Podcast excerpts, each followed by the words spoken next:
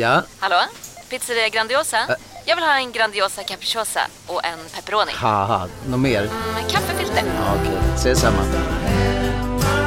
Grandiosa, hela Sveriges hempizza. Den med mycket på.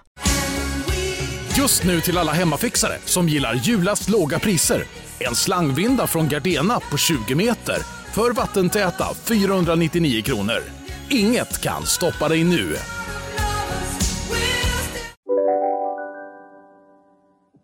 Okej Erik, ny vecka och en liten nygammal grej igen va? Ja, precis. Nu ska vi faktiskt göra så att vi breddar konceptet lite grann framöver med ojämna mellanrum.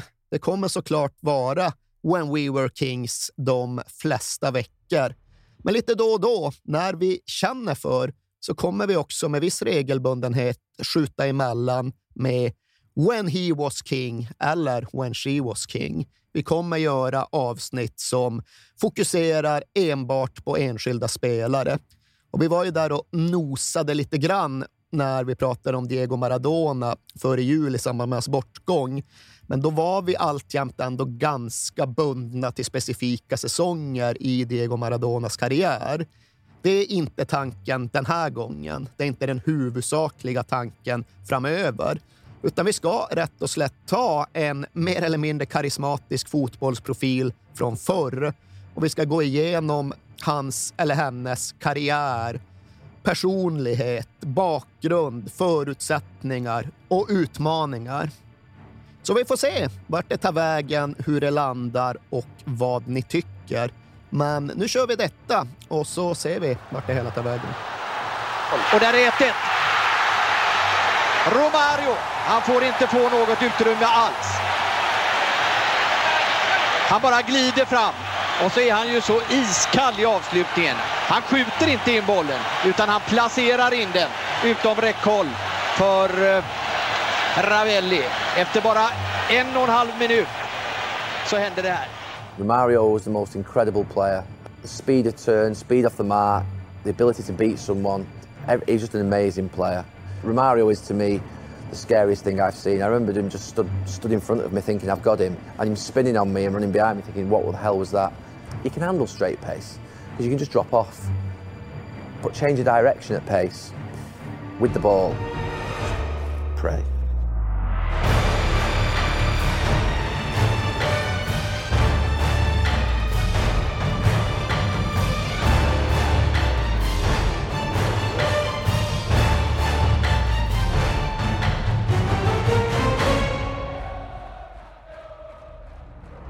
Ibland brukar vi säga att du kan flytta en spelare från staden, men du kan aldrig ta staden ur honom. Aldrig har det varit mer sant än i historien om Romario.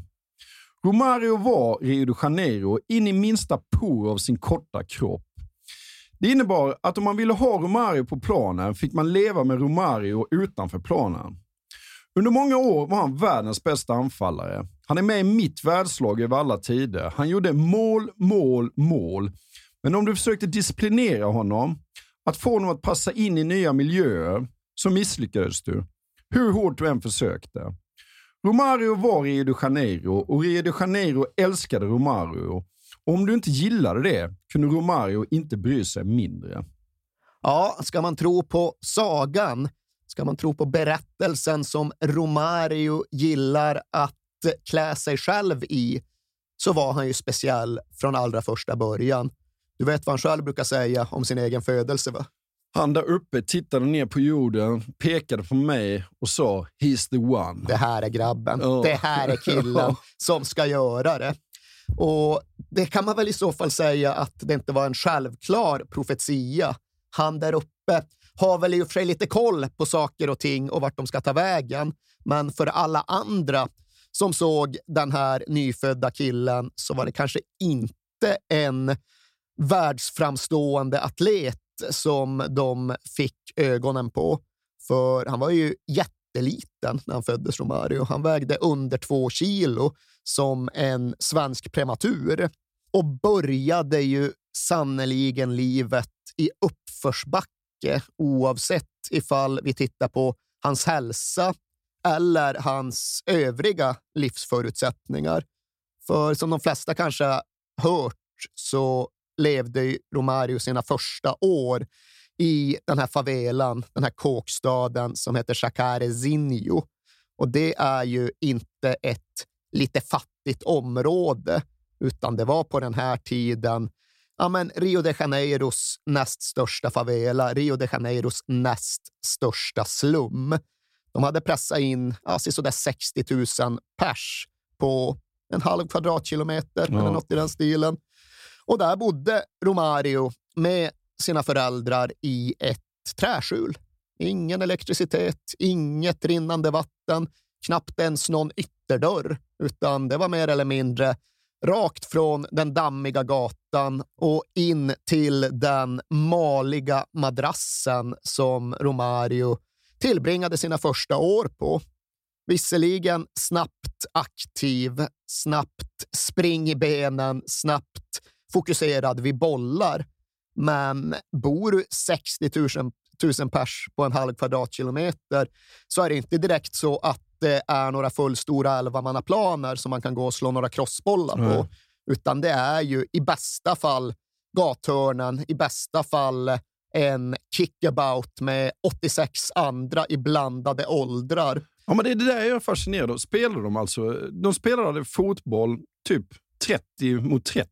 Väldigt mycket så. Väldigt ja. mycket så. Och ofta bara liksom just på gatan. Och det är kulligt och det är backigt. Ja. Och någon gång kommer det en bil och då ställer man dit stenar. Och Romario bodde bara i Chacarezinho tills han var sådär fyra år gammal. Så det är inte så att han är så ofta med i de stora grabbarnas pelada, de stora grabbarnas eh, spontanmatch. Men han är där. Och sen fanns det tydligen också någon sorts fält nere vid järnvägsspåren där det i alla fall gick att spela med lite yta omkring sig. Och dit töltade Romario ofta. Där så blev han väl någonstans en fotbollskille. Sen var väl också grejen med den här familjen att även om de var riktigt, riktigt fattiga så hade de ändå sysselsättning. De hade påhugg farsan Edevair hade under några år ett ganska fast jobb på någon sorts fabrik där de tillverkade målarfärg. Tror du det var hälsomässigt eh, gynnsamt? Det var kanske inte skyddsmasker? Nej, det var väl inte riktigt det. Men när han inte jobbade där så ja, hjälpte han till på byggen och när han inte byggde så krängde han vatten vattenmeloner och tog lilla Romario med sig. Och mamman i familjen hade någon sorts tvätteriverksamhet som hon var inne och bidrog till. Så de hade ändå en inkomst och det faktumet gjorde att de hade möjligheten att flytta familjen från kåkstaden till fattigkvarteren ja. efter några år. Och Det är ju verkligen inte en flytt som innebär att de kommer upp sig så det är jättemycket på den sociala stegen, men de får en ytterdörr. De får med tiden oh. elektricitet. De får sängar. Och det är inte så tokigt. Nej. De flyttar till en stadsdel som heter Villa da Peña uppe i norra Rio de Janeiro. Och det är väl den typen av förort där de allra flesta brassar faktiskt har vuxit upp. Det är fattigt och det är våldsamt och det är mycket droger i omlopp, men det är ändå inte favelan, Nej. det är inte kåkstaden. Det är mest bara liksom grått och dammigt och på ett sätt väldigt långt ner till Copacabana. Ja. Men på ett annat sätt geografiskt fortfarande hyfsat nära. Men där hamnade Romario i fyraårsåldern och där tog väl hans liv en ny början. Men uppförsbacken hade ju inte avtagit. Den var kanske inte riktigt lika brant socialt, men fysiskt hade ju Romario problem genom barndomen. Han var liten och kortvuxen och blev väl i och för sig rätt knubbig eh, ganska snabbt. Men därtill hade han också andningsproblem, någon sorts bronkit. Jag vet inte om han hade varit för mycket på farsans målarfärgsfabrik. Mm.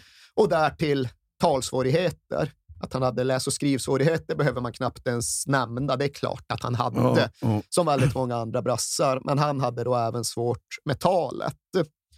Och konsekvensen blev ju bland annat att både han och hans brorsa som hette Ronaldo hade ju det tufft i skolan.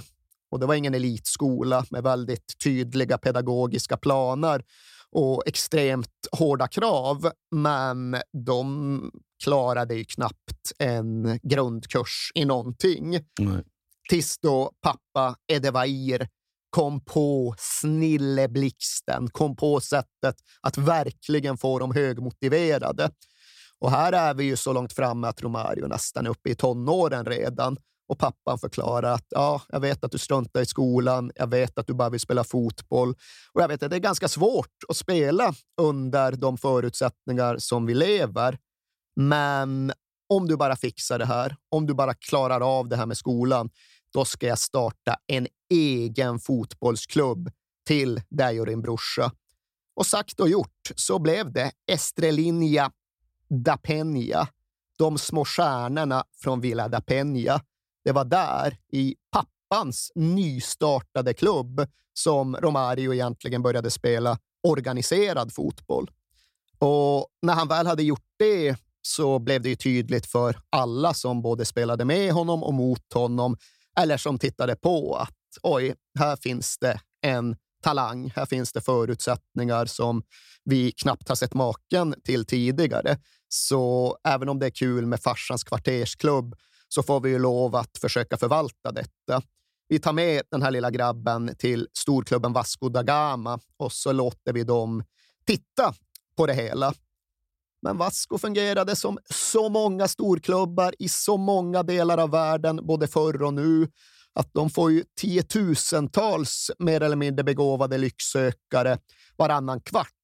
Så det är inte alltid de hinner göra någon verkligt grundlig utvärdering av en spelares förutsättningar, utan det är ofta en okulär besiktning.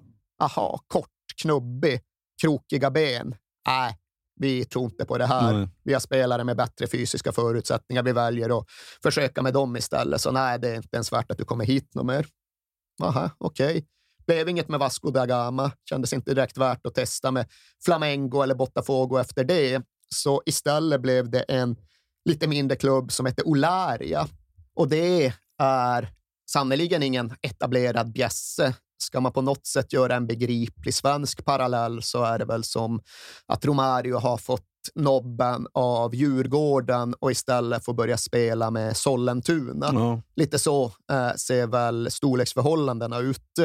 Men när då Romario körde igång och faktiskt fick en möjlighet, en riktig klubb, ett riktigt lag, en ordentlig plattform att prestera utifrån, ja, då går det ju snabbt. Då väller ju målen in och då inser Vasco da Gama att okej, okay, den där killen vi skickade bort utan att egentligen ha givit honom chansen. Vi får lov att ta tillbaka honom in i organisationen. Det var någon motståndartränare som någon gång hade liksom satt sig för att studera honom för att försöka komma på ett motmedel att ge sina spelare som lite uppgivet tvingades skaka på huvudet och konstatera att det är så jäkla ovanligt med den här anfallaren. För annars brukar ju fotboll beskrivas som ett spel som i slutändan definieras av sina misstag. Du släpper in ett mål, du tittar i efterhand och konstaterar att helvete, mittbacken låg fel. Ja. Du konstaterar att helvete, det var ett bolltapp i precis det mest sårbara läget. Det är liksom alltid så att ett misstag eller två någonstans ligger till grund för att försvarskedjan har rämnat. Men inte med Romario. Han gör dussintals mål utan att någon motståndare gör ett fel. Ja. De gör inga misstag. De står rätt, de rör sig rätt, men det går inte att stoppa. För när han väl drar iväg på den där lilla enmeters accelerationen, ja, då kan inte mittbacken göra någonting. Det är mer eller mindre omöjligt, utan det måste förhindras och bromsas längre fram i planen. Det måste handla om att liksom skära av servicen till Romario. För ifall bollen väl är nära hans fötter runt straffområdet, ja, då krävs det inte längre några misstag, Nej. utan då gör han mål som inte borde gå att göra. Och där är ju också en grej. Det är inte så att Romario är nervös, ängslig och orolig i en ny miljö när han nu ska spela med och mot bättre spelare. Nej. Utan han är ju bara helt övertygad om att det kommer gå precis lika bra där som det gjorde hemma i kvarteret. Och det gör det ju. Upp genom tonåren, in i A-laget, spela direkt, prestera direkt. Och inte på så sätt att Romario slår igenom som någon typ av underbarn eller tonårskomet. Han är inte 15-16 när han får börja spela för Vascos A-lag, utan han är ju 19. Ja.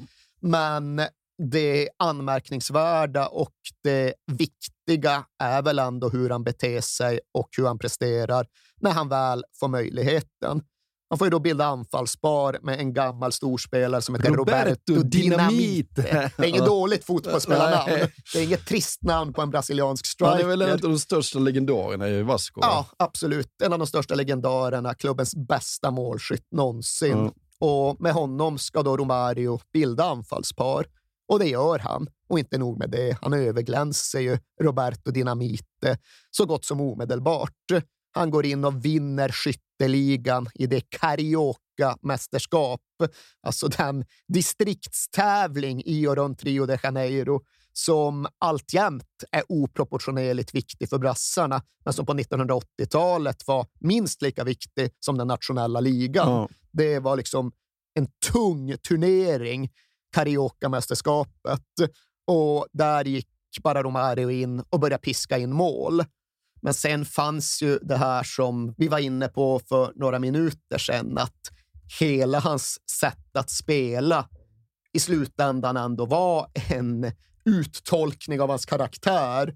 Och det innebar ju att han var en sorts antik anfallare som inte längre tillverkades ens på 1980-talet. För då hade det börjat slå igenom den här med liksom statistiskt baserade modellen för att förstå och förklara fotboll. Det började tjatas om hur alla spelare minsann tvingades gå igenom en match och var utan bollen 98,7 procent av speltiden. Mm. Du har bollen i 36 sekunder under en 90 minuters match. Därför är det vad du gör utan bollen som är det viktigaste för att vi ska kunna vinna. Men Romario struntar ju totalt ja. i de där 98,7 procenten. Han deltog inte i matchen ifall inte det egna laget hade bollen och den var nära honom. Ja. Liksom pressspel och liksom uppoffrande löpningar för att skapa ytor åt andra. Han gjorde inte sånt. Nej. Det struntade han totalt i. Och ja, sådana spelare görs inte längre. Och det var någon som beskrev det här stråket i honom, det som så tydligt definierade honom som att det gjorde honom till en heroiskt egoistisk spelare. Det fanns något nästan hjältemodigt i att så benhårt hänga kvar vid sin egoism när alla andra krafter inom fotbollen drog åt det kollektiva hållet. Ja. Romario spelade enbart för att det var kul. Och det var enbart kul när han hade bollen. Ja. Annars fick det kvitta. Ja. Så såg ekvationen ut för honom. Och det är klart att ska den ekvationen gå ihop gentemot resten av fotbollsvärlden, ja, då är det rätt tufft. Då krävs det nästan att du gör mål mer eller mindre varenda gång du får bollen. Ja, och en otrolig tro på dig själv. Jo, för att... I alla lägen, för att gå li lite knackigt och ändå ska du fortsätta göra det här. Ja, men det är någonstans det mest obegripliga med Romario. Att han ger sig ut i den stora fotbollsvärlden samtidigt som den börjar moderniseras och allt mer professionaliseras. Och det är väldigt lätt att just mäta en spelares prestation. Och i de där mätningarna ligger Romarios värden på noll. I precis, nästan alla kategorier. Förutom då den där kolumnen där det står gjorda mål. Och det var liksom kravet på honom från dag ett. Att ska du kunna delta i elitfotboll så krävs det att du gör mål hela tiden. Mm. För så fort du slutar göra mål så är du totalt meningslös att ha i ett lag. Och att lyckas med det en match, det är väl en sak. Att komma undan med det i en halv säsong i något eh, rätt knackigt gäng, ja, det kan väl gå. Men att komma undan med det under 1990 in i 2000-talet i några av världens största klubbar och i världsmästerskap där han representerar världens mest framgångsrika fotbollsnation. Det är ju helt orimligt. Ja. Det finns liksom ingen realistisk möjlighet att det ska kunna fungera.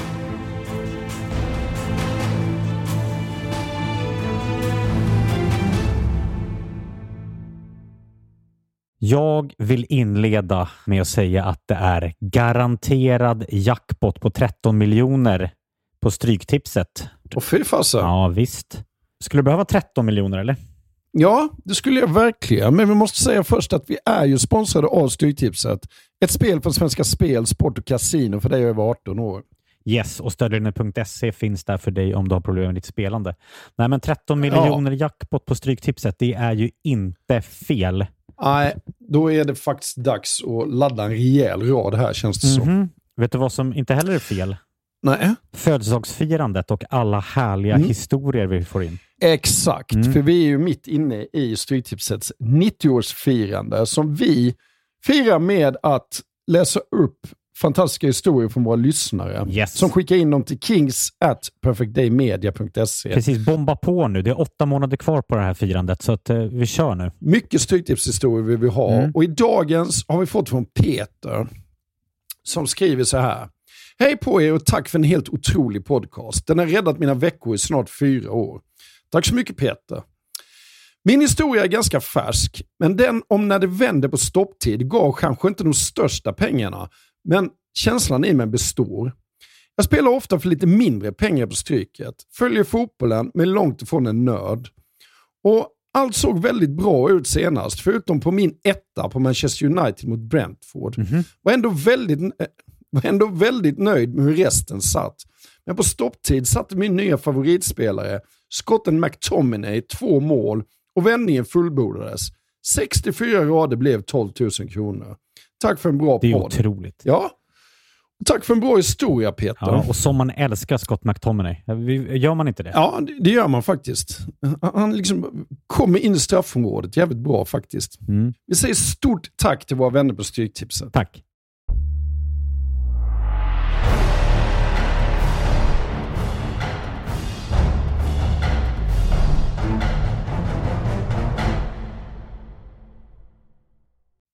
Han ska till Europa, han ska till PSV, han ska till Hus Hiddink va? Ja, det blir ju så och det är både oväntat och lite logiskt. För som du nämnde, PSV, de är trots allt regerande Europamästare. De har därtill vunnit den holländska cupen och de har vunnit den holländska ligan. Och i den holländska ligan gick de verkligen fram som en slottermaskin. De gjorde 117 mål på 34 ligamatcher säsongen innan den här värvningen och det var alltså ett snitt på 3,45 per match. Men till deras heder så ska sägas att de liksom ville, de såg behovet av att ligga i framkant. Okej, okay, det här funkade den ena säsongen, men vi måste utvecklas och uppgraderas för att vi ska kunna fortsätta hävda oss. Och i sin Europacupvinnartrupp, där hade PSV fyra danskar och en norrman. Men här någonstans så bestämde de sig för att även försöka sig på en ny typ av värvningar. De bestämde sig för att försöka hitta det mest spännande i Sydamerika. Och var då bättre än den mest spännande spelaren från den största och mest framgångsrika fotbollsnationen på kontinenten. Och det här blir någon typ av förlaga till det vi pratade om i avsnittet om Deportivo La Coruña, där de var raska ur startblocken och lyckades kapa åt sig Bebeto och Mauro Silva. Då var det ju den galiciska banken som var någon typ av brygga för övergången. Och här är det ju såklart Philips, ja. den stora sponsorjätten, som gör någon typ av beredningsarbete de knyter kontakter och de eh, ser till att rätt folk får prata med rätt folk och att möjligheten på så sätt ändå ligger öppen. Och när Hiddink återberättar det här så då säger han just att det var den kvickfotade aktionen som gjorde övergången möjlig. För sen började Real Madrid intressera sig och sen kom FC Barcelona. Men då hade Romario redan givit sitt ord. Mm. Och det var tydligen tillräckligt, för de hade inte skrivit något papper, men de hade kommit överens. Så när Romario åker över det stora havet, ja, då landar han inte i Spanien eller i Italien, utan han landar i Eindhoven. och PSV betalar den högsta transfersumman som en brasiliansk klubb någonsin har fått. 33 miljoner. Ja, det var stort på den Ja. tiden. Det var mer än vad Flamengo hade fått för. Sicko. Ja. Så det var ju en stor sak när Romario ändå landade i Holland. Och det går inte att hävda att han gjorde någon besviken. För den inhemska dubben, den vinner ju PSV den här första säsongen också. Och Romario vann skytteligan där och Romario gjorde mål efter två minuter i den holländska cupfinalen som de också plockade hem. Sen är det ju ett litet, jag vet inte ens om det går att kalla besvikelse, men ett litet bakslag i Europacupspelet. För där lottas då PSV mot Real Madrid. Och det är klart att det inte är alldeles enkelt. Den första matchen i Holland slutar 1-1. Romario gör målet. I den andra matchen så leder Real Madrid med 1-0 tills Romario kvitterar i 84. Och sen faller då PSV i förlängningen. Men det går liksom inte att säga att ja, Romario har gjort någon besviken Nej. eller att det inte har blivit så bra med Romario, utan han gjorde sannerligen sitt under en fin första säsong i Europa. Ja. Och tillbaka i PSV. Sen nästa säsong så har han en ny tränare, va? Ja, och det är ju då Sir Bobby Robson som hade tagit England hela vägen till en VM-semifinal och som med fog ska beskrivas som en ganska liksom demokratisk och inkännande och pragmatisk engelsk coach. Ja. Han är ju inte som de andra var på 1970 och 1980-talet i England, men han var inte heller Gus Hiddink. På den skalan så faller han väl någonstans i mitten. Han vill ändå ha lite ordning, disciplin och auktoritet. Och det blev ju problematiskt Ja. i relation till Romario. Och som Sir Bobby Robson själv beskrev det hela i sin egen självbiografi så hade han a large pool of good players and one tropical fish. Och eh, the tropical fish, Romario, skulle då ha varit as brilliant as he was unmanageable. Ja. Han gick inte att vara manager för. Det gick inte att styra honom. Och Bobby Robson menar att ja, han tränade enbart när han själv kände för. Ja. Och han hade svårare för den hållningen än vad Gus Hiddink hade haft.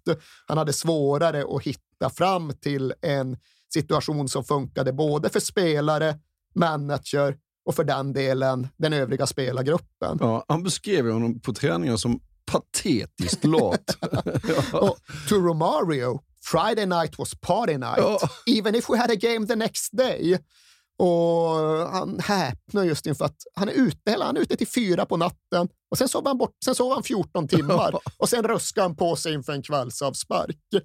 Och här ska det väl i och för sig skjutas in att grejen med Romario och hans nattliv som aldrig stannade, det var ständigt pågående, det var ju att han knappt drack överhuvudtaget. Exakt vad jag tänkte komma till. Därför att jag, när jag läser om så känner jag så här, ja men det här är ju det här, det här kan vara Gassa, det här kan vara George Best, kan det vara här Maradona. det kan vara Maradona. Många liknelser med Maradona. Eh, men hur fan fixar han det? När man drack ju Han inte. drack inte och han Nej. såg till att få sina 14 timmar Ja. när det var mörkt Ja. ute. Han var ute till 04.00, sov 14, 18.00. Han vet att Gus Hiddink på sin tid, det var matchsamling 18.30, rulla in där 18.29.30 Ja. och sen är han klar för att göra tre mål mot Twente Enschede. Ja, Liksom. vad gör man då? Nej, det var ju så han rullade och det var ju så han fick det att funka. Och det var ju också väldigt, eh, ja, men det är ju centralt att förstå det här för att få ihop Romarios karriär. För ifall man bara liksom säger, och sen var han på nattklubb till klockan fyra dagen före match, ja, då får man ju inte ihop det. Nej. Då är det obegripligt ifall man med nattklubb tror att det innebär att han liksom dricker nio drinkar, fyra Budweiser och drar en lina. Ja. Nej, det var inte så Romario gjorde. He was a Coca-Cola man, som Robson sa. Och eh, så Bobby Robson försökte med de metoder och de resurser som han hade tillhanda. Han hade ju svårt med kommunikationen också, för det här är ju innan Bobby Robson har varit i Barcelona. Han har bara varit i England. Han Ja. kan såklart inga språk förutom engelska. Romario, han lärde sig holländska. Han gjorde det Ja, alltså? men det ska Ja. ju för sig vara som när Glenn Strömberg pratar italienska. Att han pratar ju fortfarande holländska med brasiliansk fave- favela-brytning, Ja. men han pratade holländska. Ja. Men jag tror att det kanske kom lite senare. Här var det så att så Bobby Robson försökte kommunicera med Romario med Frank Arnesen som mellanhand. För Frank Arnesen pratade spanska och spanjorer och portugisisktalande förstår ju ändå varandra. Ja. Så han arrangerade för liksom ett rensa luften-möte, tala ut-möte, sätta ner foten-möte.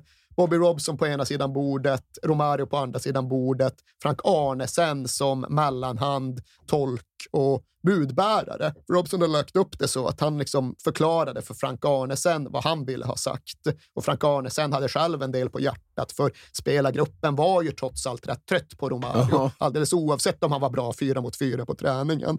Så det var mest Arnesen som tog ordet, som förklarade vad Sir Bobby Robson ville ha sagt och förklarade hur han behövde bete sig gentemot de andra på planen och i omklädningsrummet.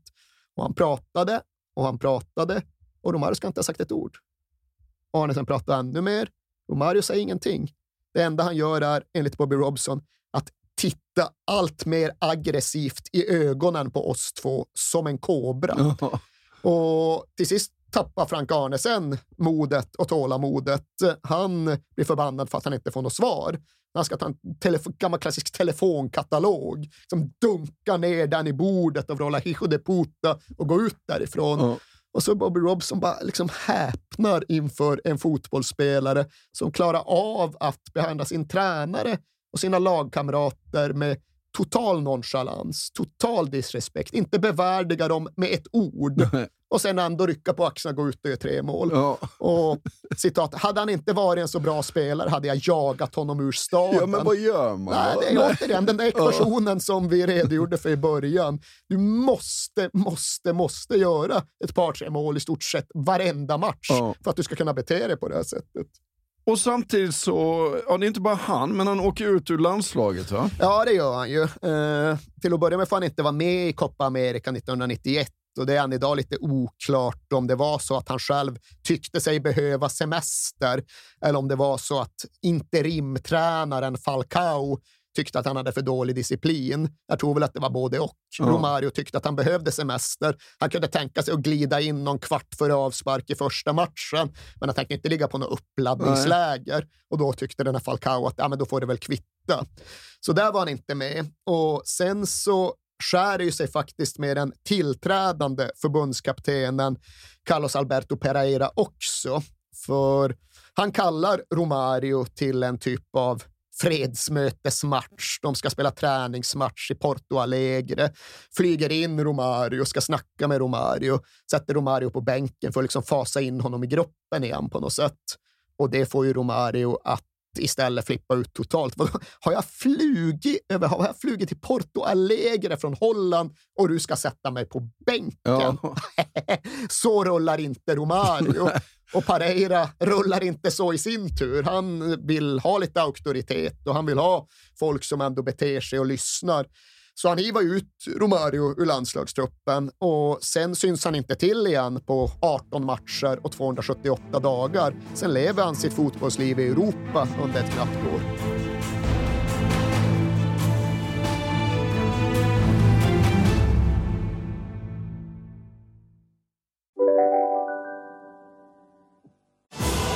Välkomna tillbaka till Sibylla där sportbörjaren nu laddar för mål. Otroligt taggad och toppat formen med stekt lök och dubbel cheddarost. Det här blir en riktigt god match! Sportbörjare, ett original i godaste laget. Från Sibylla. Hej, Synoptik här. Visste du att solens UV-strålar kan vara skadliga och åldra dina ögon i förtid? Kom in till oss så hjälper vi dig att hitta rätt solglasögon som skyddar dina ögon. Välkommen till Synoptik. Hej!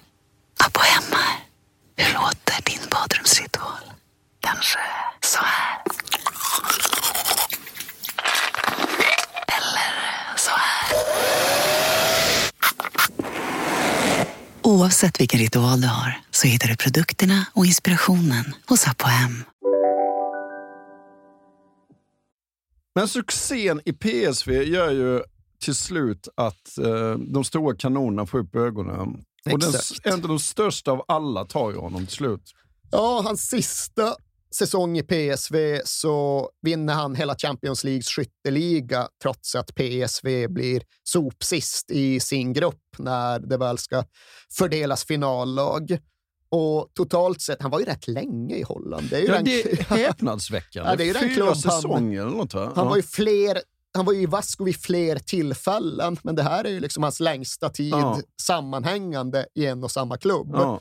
Så han är där länge och han, ja, beroende lite på vad man ser som en officiell match och vad man ser som en träningsmatch, så stannade han på 165 mål på 167 matcher för PSV. Ja. Och det är ett rätt okej facit, i synnerhet under ett målsnålt 90-tal. Ja. Det var inte många som ens kom över 0,5 mål per match i snitt och Romario ligger där på 1,0 per match i ja. snitt.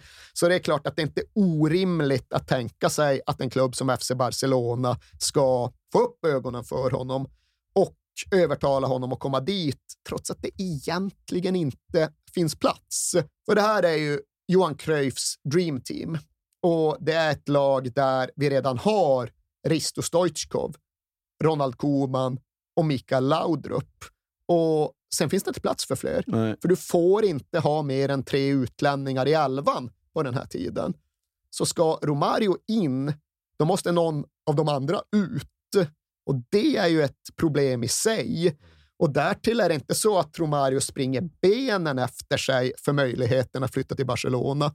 Han börjar ju ställa ja, sina mer eller mindre orimliga typer av krav. Ja, visst, den här lönen, det ska ju vara världens högsta. Ja. De här villkoren. Och så förresten, en volleybollplan, en beachvolleybollplan då på träningsanläggningen och en annan beachvolleybollplan vid klubbens högkvarter. Och jag tror i och för att de la sand på den ena och asfalt på den andra, men det är också en grej där att eh, Romario lär sig att skjuta tåpajar i futsal, den här liksom inomhusfotbollen. Mm. Sen finns det ju också en fixering i Brasilien och framförallt Rio vid fotvolley. Ja. Alltså ja, men fotbollsvolleyboll. Det är fruktansvärt roligt att kolla på. Ja, de är jag. extremt ja, skickliga. Duktiga de är. Ja. Och det är ju vad det låter som. Det är volleyboll på en plan med, jag tror det är en beachvolleybollstorlek. Ja. Och så använder du fötter och händer för att ja. hantera bollen. Tre tillslag verkar de väl ha på sig. Inga händer va? Nej, för helvete, så är det. Nej, ja. Allt utom händer. Ja, nej, men det du får använda i fotboll ja. såklart. Och så kanske det varierar om du har två eller tre touch. Men det där älskar Romario och ja. han är såklart sjukt skicklig på det. Och skulle han tän kunna tänka sig att masa sig ner till Johan Cruyffs Dream Team i Barcelona, ja, då fick de fan lov att anlägga några volleybollplaner. Och det fick väl vissa katalaner att dra öronen åt sig. Och sen var det ju där med utlänningsgrejen. Stoichkov förstår ju vad det här innebär och han gillar ju det inte Nej. alls. Och då ska, till vad då ska vi börja rotera? Nej, det här är inte bra. Och ska vi prompt ta in en fjärde utlänning, ja, då borde vi verkligen ta Lubomir Penev istället, ja. min gamla goda bulgariska kamrat. Men så kommer Romario och så gör han det som Romario gör. De spelar åtta försäsongsmatcher. Romario gör 14 mål på de åtta. Och Romario börjar prata med Cruyff, börjar nästan faktiskt lyssna på Cruyff. Ja. För bland det första Cruyff säger till honom i termer av instruktioner, det är att fan, Romario, du rör dig alldeles för mycket. Spring mindre. Det gillar Romario. Det gillar Romario. Och Cruyff förklarar ju såklart att ja, men du ska vara i de ytor och de områden där du faktiskt är farlig. Du ska konservera din energi för de möjligheterna och det är då du blir riktigt effektiv i mina ögon. Och Det var inte så att Romario och Cruyff skulle komma och dra jämnt i alla lägen under sina år ihop, men den här grundhållningen att fotboll i grunden inte är en sport som utövas med ben och lungor utan med huvud och fötter. Det älskade ju Romario. Ja. Den bästa tränare jag någonsin haft, sa han ju under alla år. Ja. Och det var i grund och botten för att han just fick vanka omkring och spara sig till de situationer där han själv tyckte det var kul. Och den attityden, det här med att fan, det är bollen som ska göra jobbet, den var ju väldigt central i den cruyffianska Barcelona-metodiken. Den finns ju i någon mån kvar än idag, men den var väl kanske allra tydligast under de här Dream Team-åren. Han hade en assistent, en klubblegendar som hette Kalles Rekshas, som har sagt de här bevingade orden springa. springa är för fegisar. Ja. Som sagt, det är inte så att den retoriken inte låter bra i Romarios öron. Nej. Sen är väl träningsmatcher och försäsong en sak, men sen ska det ju faktiskt demonstreras i ligaspel också. Och i seriepremiären hösten 1993 så står Barcelona mot Real Sociedad. Baskerna från Real Sociedad. Och i mål har ju Barcelona basken Andoni Zubizarreta som tycker sig kunna en del om hur Real Sociedad spelar och vilka som representerar det laget. Så han tänker att fan, jag ska ta och ge den här nya killen några användbara tips här, för jag kan ju Real Sociedads målvakt utan och innan. Så han går fram till Romario i spelartunneln och säger att ja, den här målvakten, han agerar på det här sättet. Han brukar liksom se till att komma ut snabbt och göra sig stor så att du är medveten om det ifall läget uppstår. Man bara tittar på så. Ska du lära mig att göra mål? Jag förstår inte vad det är frågan om. Och sen går han ut och FC Barcelona vinner premiären med 3-0 och Romario gör alla tre mål, hattrick. Och det är inga trista mål han gör heller. Eh, det är framförallt så att tvåan och trean, helt otroliga små mästerverk. Det är två chippar, två lobbar av olika karaktär. Och vart och ett för sig är de extremt sevärda, men sen är det också notabelt för att båda de målen, alla tre målen som Romario gör i den här matchen, de assisteras ju av Pep Guardiola. Jaha. En ung 22-årig Pep Guardiola som också tycker att bollen ska göra arbetet och att det någonstans är för fegisar att springa. Och de får ju ett väldigt bra samspel, en väldigt god förståelse ute på planen. Och Guardiola har beskrivit Romario som ja, men ett uppspidat trafikljus. För det var enkelt att titta på honom och förstå att det är rött ljus mest hela tiden. Ja. Det händer inte mycket, det är rött. Det är bara att stå stilla. Men sen så fanns det det där lilla fragmentet mellan det att han står stilla och det att han är uppe på maxvarv genom sin acceleration som Guardiola lärde sig uppfatta. Det där lilla segmentet när trafikljuset slår om till gult. Det lärde sig Guardiola att förstå. Och det var ju inte just att det är gult i fyra sekunder och man hinner anpassa sig, utan det var gult i fyra hundradelar Ja. eller fyra tiondelar. Och då gällde det för Guardiola att snabbt som tusan få iväg rätt boll på rätt yta, för då gick Expressen. Ja. Och det var svårt att hinna med det. Det var svårt att förstå sig på det. Men Guardiola hade ju fotbollshuvud nog för att göra det. Och när han kunde förlösa Romario och liksom skicka iväg honom på hans ytor så är det ju klart att det hände grejer. Då blev det tre mål och hattrick direkt i premiären. Och då kunde väl Romario gå av den planen och slänga ett öga mot Zubizarreta och fråga sig, ja, skulle det vara svårt det här med att göra mål på den här killen? Och han kom inte särskilt nära sina lagkamrater någonstans i Europa, men de han spelade med här i Barcelona, de kunde ju ändå inte heller låta bli att hänföras för just det här att talk the talk, walk the walk. De hade en skicklig mittfältare som hette Bakero Ja. och han brukar dra den där storyn om hur varje gång det var match så visste man, för att Romario berättade, komma in, gnugga händerna, haft en bra 14 timmars sömn. Idag blir det två mål, Ja. så brukar Romario säga. Och så gick han ut och gjorde två mål. Ja. Och till och med en liksom internationell landslagsmittfältare som Bakero sa att det är klart att det var kul och det är klart att det var bra för laget, men det fick dig att känna dig jävligt liten också. För så där kan inte jag spela fotboll. Nej. Jag kan inte komma in och bara bestämma hur det ska gå i en match innan den har börjat, oavsett motstånd och någonting. Och den där grejen med att just säga vad han ska uträtta, säga vad han ska göra. Det, jag vet inte om det var någonting som han använde sig mer av här i Barcelona, men det, det fäste sig starkare i Barcelona. Det är fler som berättar det oftare. Vaquero säger den där grejen. Det blev väldigt välciterat och uppmärksammat när han kom till Barcelona och ska liksom, ja, vad tror du om den här första säsongen? Jo, Senni, det kommer bli så att jag kommer göra 30 mål. Det är vad jag kommer göra. Ja. De bara, "Jaha, mm, okej då, okej då. Och sen finns ju också de här skrönorna just i relation till Johan Cruyff. För ja, Romario levde ju som han hade gjort i Eindhoven, fast uppskruvat några hack. Det kunde ju ändå börja närma sig Rio-livet i Barcelona.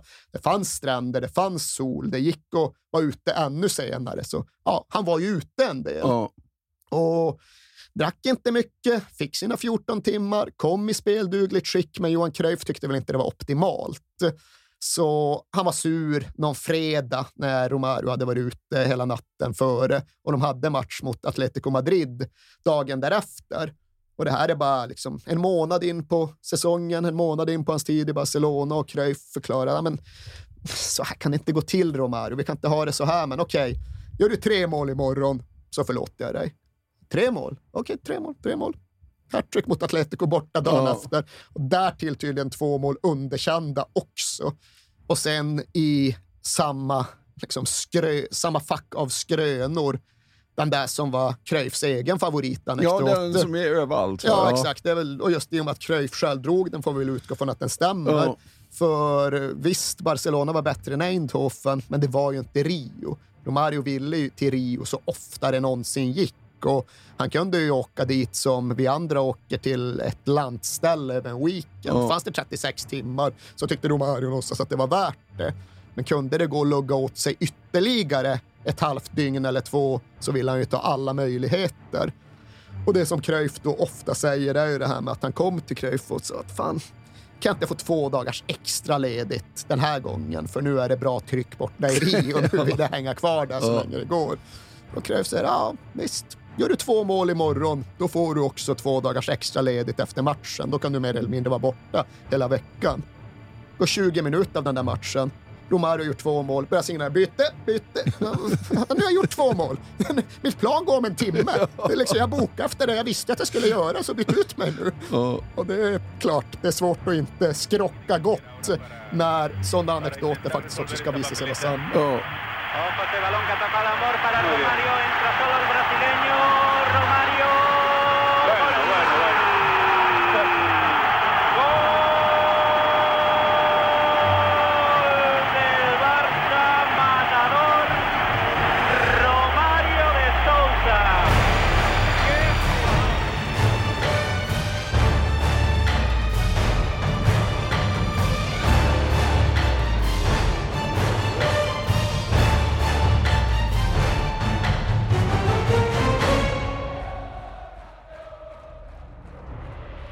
Du har hört första delen When He Was King om Romario.